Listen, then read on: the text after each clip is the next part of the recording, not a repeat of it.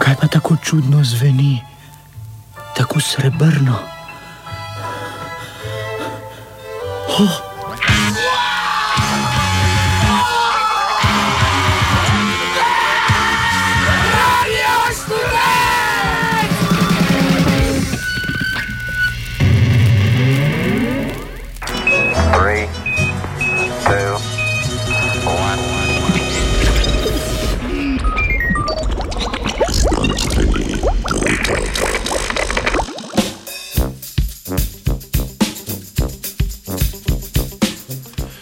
Dobro jutro.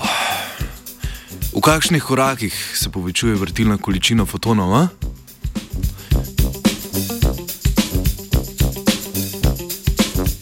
Irski fiziki so izmerili polcelo vrtilno količino fotonov.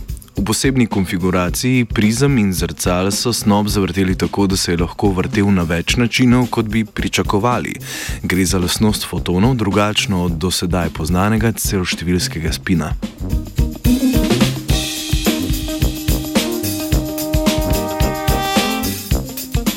Za ilustracijo dveh vrst vrtenja fizikalnih osnovnih delcev, naprimer elektronov in fotonov, vzemimo primer kroženja Zemlje okrog Sonca.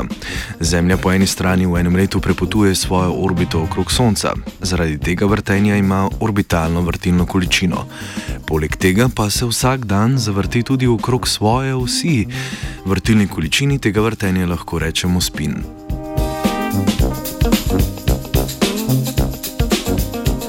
Tudi elektron si lahko, čeprav napačno poenostavljeno, predstavljamo kot kroglico, ki kroži okrog večje krogle, jedra atoma. V tem primeru si skušamo zamisliti tudi njegovo orbitalno vrtilno količino in spin.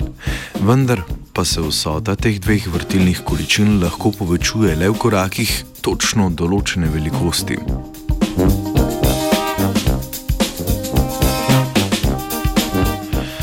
Rečemo, da je skupna vrtilna količina elektrona kvantizirana, natančneje lahko zasede le večkratnike polovičke Planckove konstante.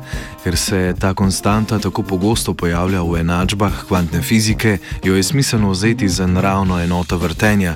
Tako bi lahko ugotovili, da skupna vrtilna količina znaša tri polovice ali pa dvakratnik Planckove konstante.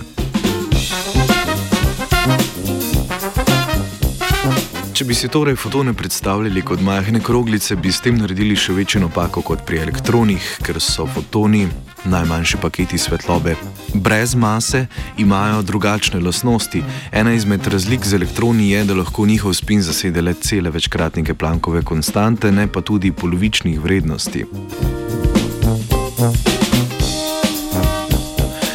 Spin fotonov je povezan z njihovo polarizacijo. V vsakdanji rabi je izraz povezan s polarizacijskimi očali, ki lahko filtrirajo del svetlobe. Svetloba je namreč elektromagnetno valovanje, pri katerem lahko električno in magnetno polje nihata v različnih smereh. Skozi polarizacijska očala in podobne naprave lahko prepustimo le svetlobo, v kateri električno polje niha na določen način. Z drugimi besedami, izberemo le svetlobo z določeno polarizacijo. Ena izmed možnih polarizacij svetlobe je krožna polarizacija. Če si v mislih narišemo puščico, ki vedno kaže v smer električnega polja svetlobe, ni jasno, ne, se bo ta puščica vrtela okrog osi potovanja svetlobnega žarka. To pa nas morda spomni na prej omenjeno vrtenje Zemlje okrog svoje osi, tako da lahko krožno polarizacijo imenujemo kar spin fotona. Thank you. Avtori članka so poleg spina izvali še eno vrtenje svetlobe, laserski žarek so najprej izdobli, tako da je postal votl. Na to so votli val svetlobe vrteli okrog vsi potovanja laserskega žarka. Na ta način so opazovali dve vrsti vrtenja fotonov. Po eni strani se je vse votli laserski snop lahko zavrtel okrog svoje osi, po drugi so lahko spreminjali polarizacijo svetlobe oziroma spin fotonov. Zanimala pa jih je vsota vrtilnih količin povezanih z dvema vrstama vrtenja, skupna vrtilna količina. Ugotovili so, da se ta skupna vrtilna količina svetlobe ne spreminja le v korakih večkratnika Planckove konstante. Spin fotona še vedno lahko zasede le celoštevilske vrednosti, skupna vrtilna količina pa lahko zauzame tudi večkratnike polovičke te konstante.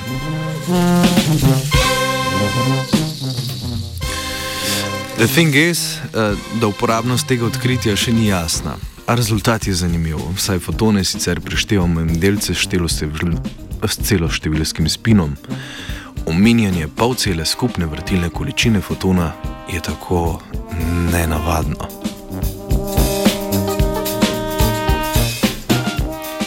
Samo na pol zmeden je pisal Junoš. Ali veš, da na nebu vselej vidimo le eno stran lune? Ali veš, da imajo hrošči okus po jabolkih? Ali veš, da vohanje prcev preprečuje raka? Ali veš, da prašiči orgazem traja 30 minut? Ali veš, da bogati Kitajci najemajo striptizete za svoje pogrebe?